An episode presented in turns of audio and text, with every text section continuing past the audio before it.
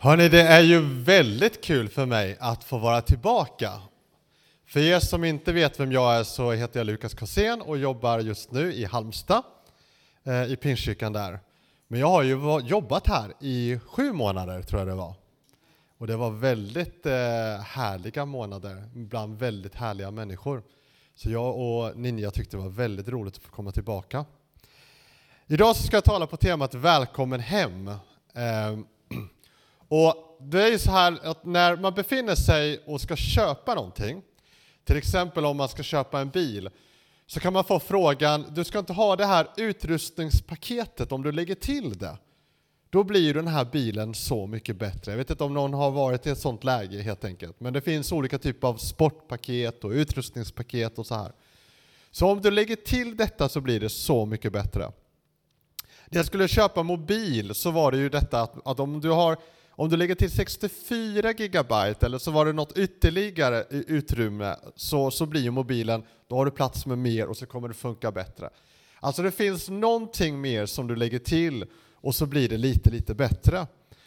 Vi skulle göra en resa till Mauritius. Min eh, svåger kommer därifrån så att då skulle vi åka dit eh, tillsammans med hans familj. Och när man liksom tittar liksom där så har man bestämt sig för en prisklass för boende. Men så börjar man snegla att om man lägger lite till, några hundralappar till, då kan man få det här kvaliteten på boendet och då kommer det se ut så här. Och så sitter man och tittar där, men om man lägger lite, lite till, då, kommer, då, då är det de här boendena man har att välja på, och så blir det väldigt svårt. Och någonstans där så inser man att, men vänta nu ett tag, det är ju, det är ju där som, som, som är rimligt.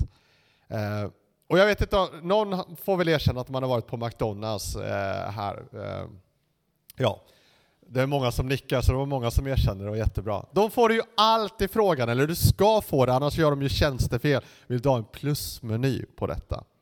Alltså om du gör pommesen lite större och drickan lite större så blir det här en lite bättre måltid.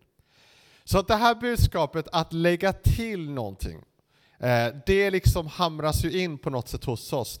Då blir liksom livet lite, lite bättre.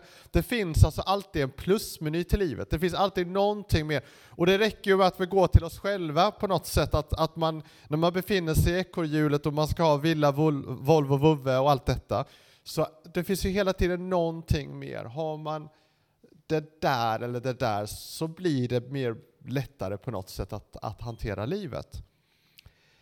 Och det här kan smyga in hur man tänker kristen tro att kristen tro och, det blir liksom ett och, någonting mer som behövs.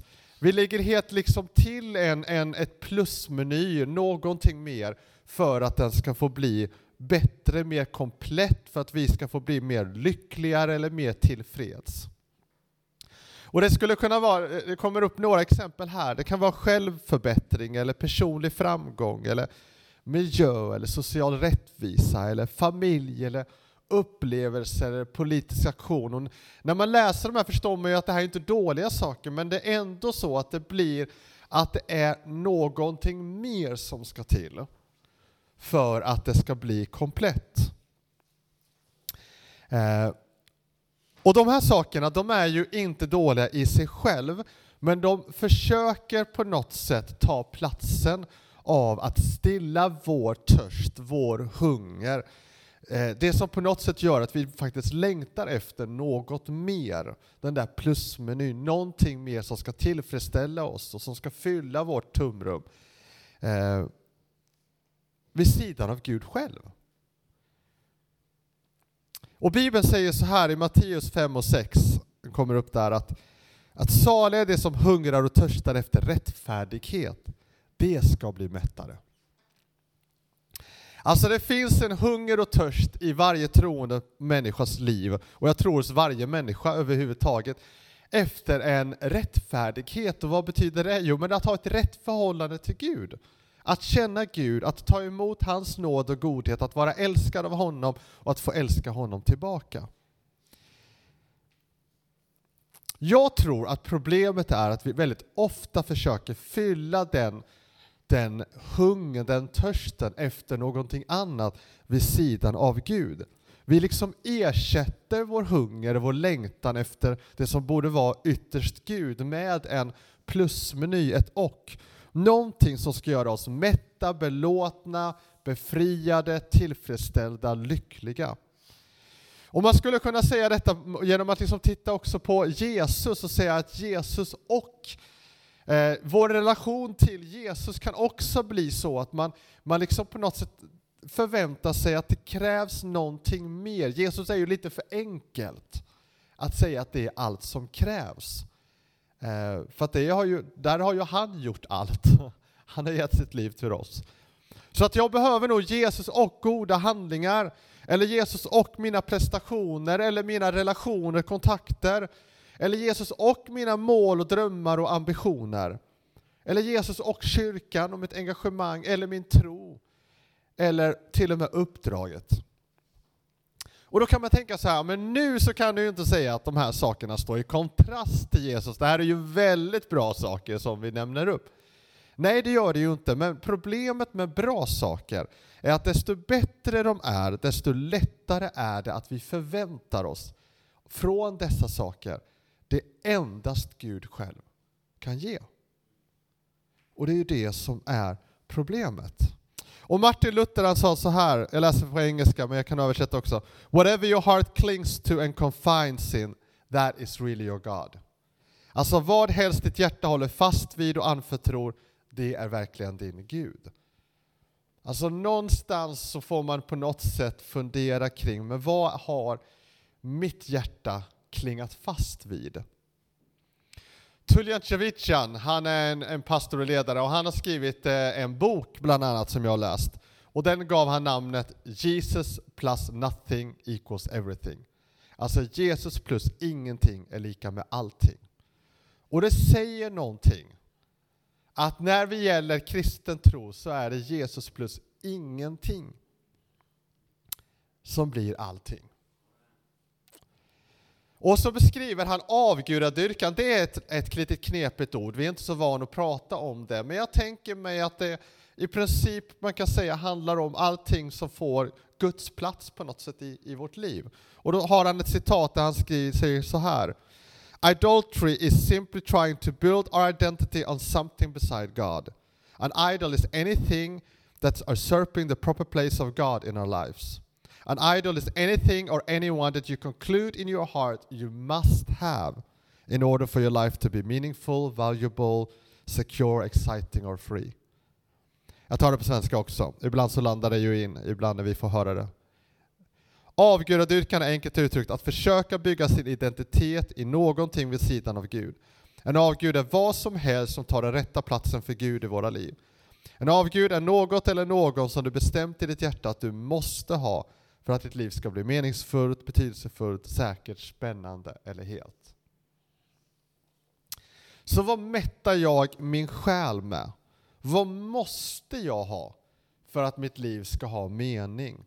För att jag ska bli tillfredsställd och lycklig, för att jag på något sätt ska sluta längta och, och vilja ha något mer. vad har blivit min plusmeny och mitt och? I psalm 62 så skriver David så här, 6, vers 9, 6-9. Bara hos Gud finner jag ro. Från honom kommer mitt hopp. Han är klippan som räddar mig, min borg där jag står trygg. Från Gud kommer min hjälp och min ära. Gud är min tillflykt, min starka klippa. Sätt alltid din lit till honom, du folk. Öppna ditt hjärta inför honom. Gud är vår tillflykt. När man läser om David så, så, ser man att David valdes till kung av en enda egentligen egenskap. Inte att han var den största, starkaste, bästa, utan att han valde på grund av sin relation till Gud. Eh, Jesus såg hans relation till, till honom som det viktigaste kriteriet. Eh, och när David möter Goliat, den här klassiska berättelsen som många känner till, så har han ingen rustning på sig, ingen stridskonst som de andra, inget svärd, ingen storlek, inga imponerande muskler. Eh, han har helt enkelt inte en plusmeny med sig, inte ett och. Och så i första Samuelsboken 17.45 så säger han så här, du kommer emot mig med svärd och spjut och sabel, men, men jag går emot dig i Herren Sebaots namn. Alltså David sätter sin tillit endast till Gud. Och eh, när vi läser om David så märker man att det här är en man som får strida hela sitt liv. Hans son Solomon får ju bygga tempel, men han får strida. Och därför så kan man säga att, att David, liksom när han skriver den här salmen, på något sätt och tittar tillbaka i alla fall på sitt liv, så bör han om något kunna säga att jo men Gud och min armé har på något sätt varit det jag har behövt. Eller Gud och min stridsduglighet. Eller Gud och min position, att jag blev kung och har fått bli kung. Eller Gud och fred. Det är ju någonstans det jag har velat uppnå hela tiden. Men istället säger han, bara hos Gud finner jag ro. Och så uppmanar han folket, sätt alltid din tillit till honom, ditt folk. Öppna ditt hjärta inför honom. Gud är vår tillflykt. Så hur, hur ja, undviker man avgudadyrkan om man nu ska använda den utifrån den tolkning jag gjort idag? Alltså att lägga, ge någonting annat den platsen som bara Gud ska ha i vårt hjärta och i vårt liv. Hur gör vi upp med vår plusmeny, med ett och som har fått smyga sig in i vårt, vårt andliga liv?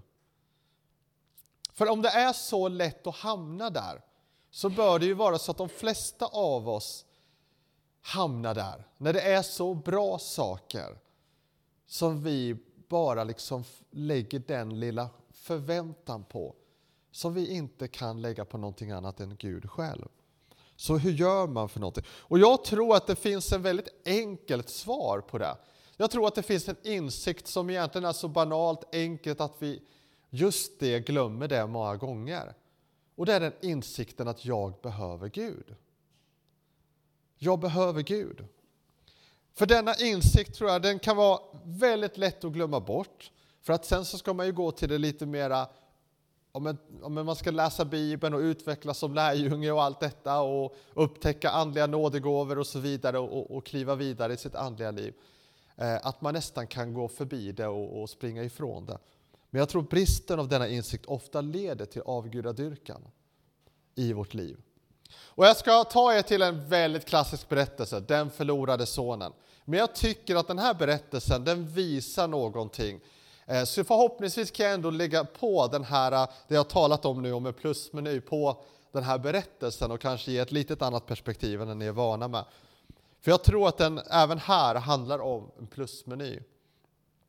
Det är en berättelse om en far som har två söner. Den ena sonen, han ber ju eh, sin far om ett för tidigt arv, vilket jag har förstått att det är som att önska honom en för tidig död. Vänder sig bort från sin släkt, sticker iväg, bränner pengarna och hamnar till slut på gatan, urfattig, hans vänner har stuckit, ingen liksom stöttar upp honom längre. Och i den här situationen så bestämmer han sig för att ja, min pappa har ju till och med tjänare som lever hyfsat bra. Jag kan gå tillbaka och att han inte ska förlåta mig, det förstår jag, men att åtminstone så kan jag väl få bli en tjänare på något sätt. Det är ju bättre än att, än att leva bland grisarna och liksom leva urfattigt på det här sättet. Och så läser vi om det i Lukas kapitel 15, vers 20-24, så står det så här om fadern, att redan på långt håll fick fadern syn på honom. Han fylldes av medlidande och sprang emot honom, omfamnade honom och kysste honom.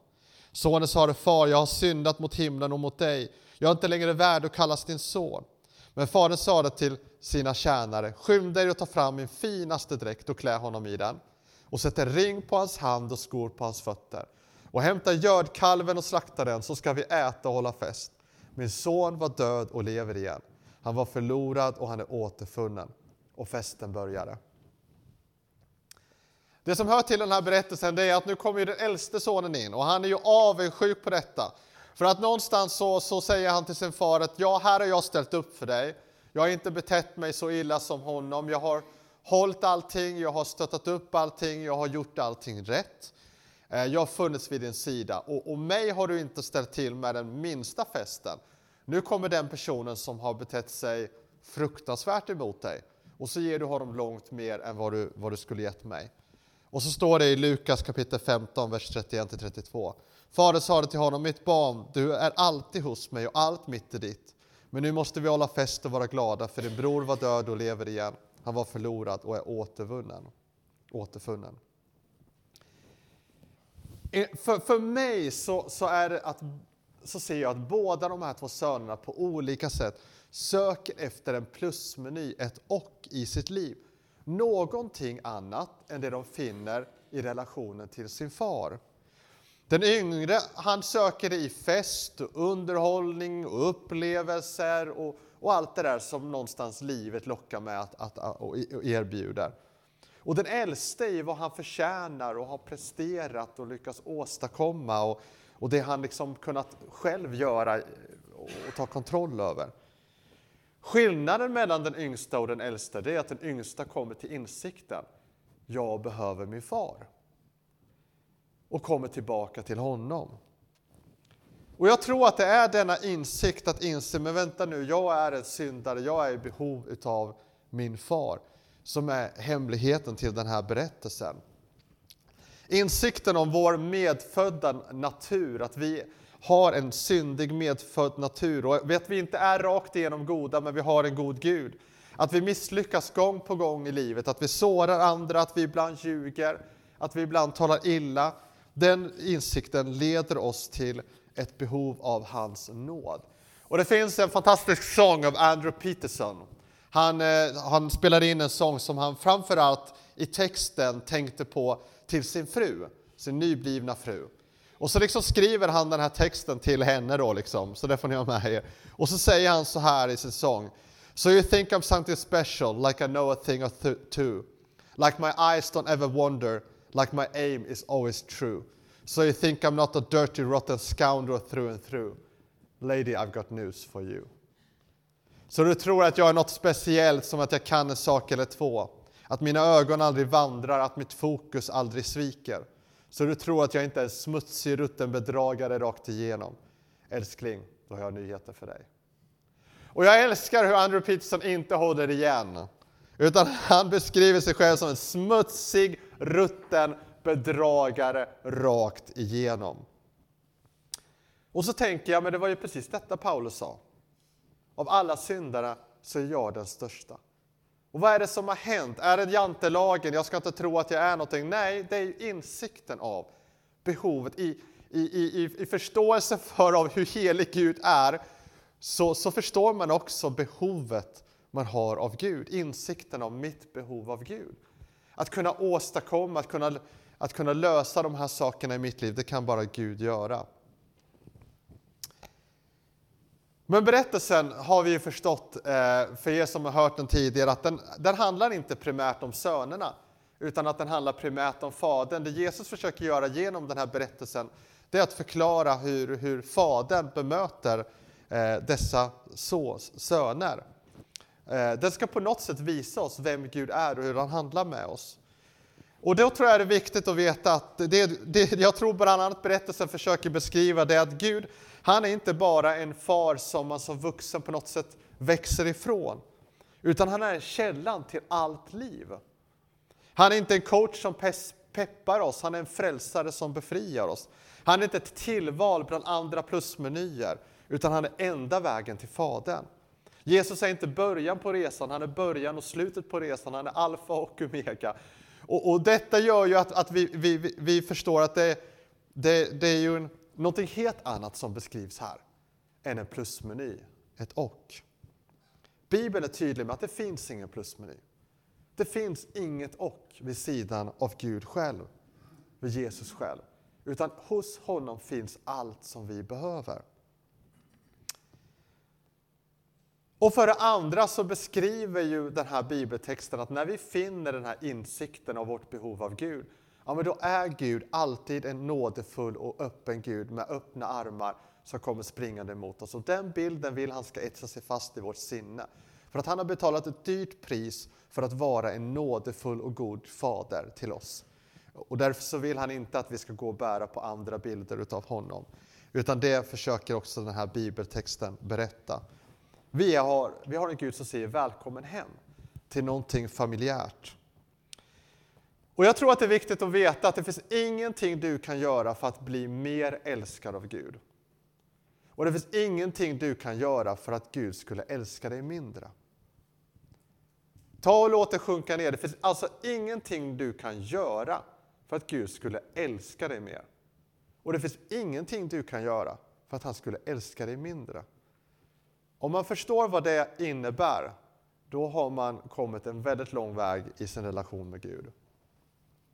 Vi har en kärleksfull Gud. Och livet med Gud är inte knutet till vad vi gör, utan vad han har gjort. Vad han har åstadkommit. Och jag tänker så här, förstå hur underbart detta är att fundamenten i kristet liv, det är relationen till honom. Och inte ens där förväntar han oss vårt initiativ.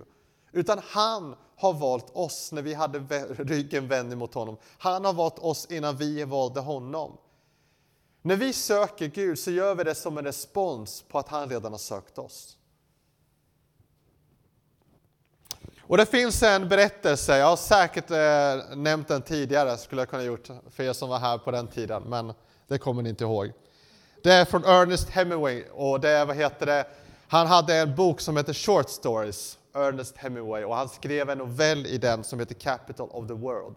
Och det handlar om en man i, i Madrid som heter Paco. Och Paco han eh, beger sig iväg från sin pappa. Och vi får inte riktigt veta i berättelsen vad han har gjort, men vi förstår att det är allvarligt.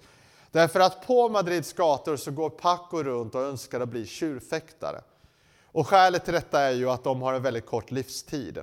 Så någonstans så ville han ju ta sitt liv, men göra det på ett sätt där han inte själv behövde fatta det beslutet.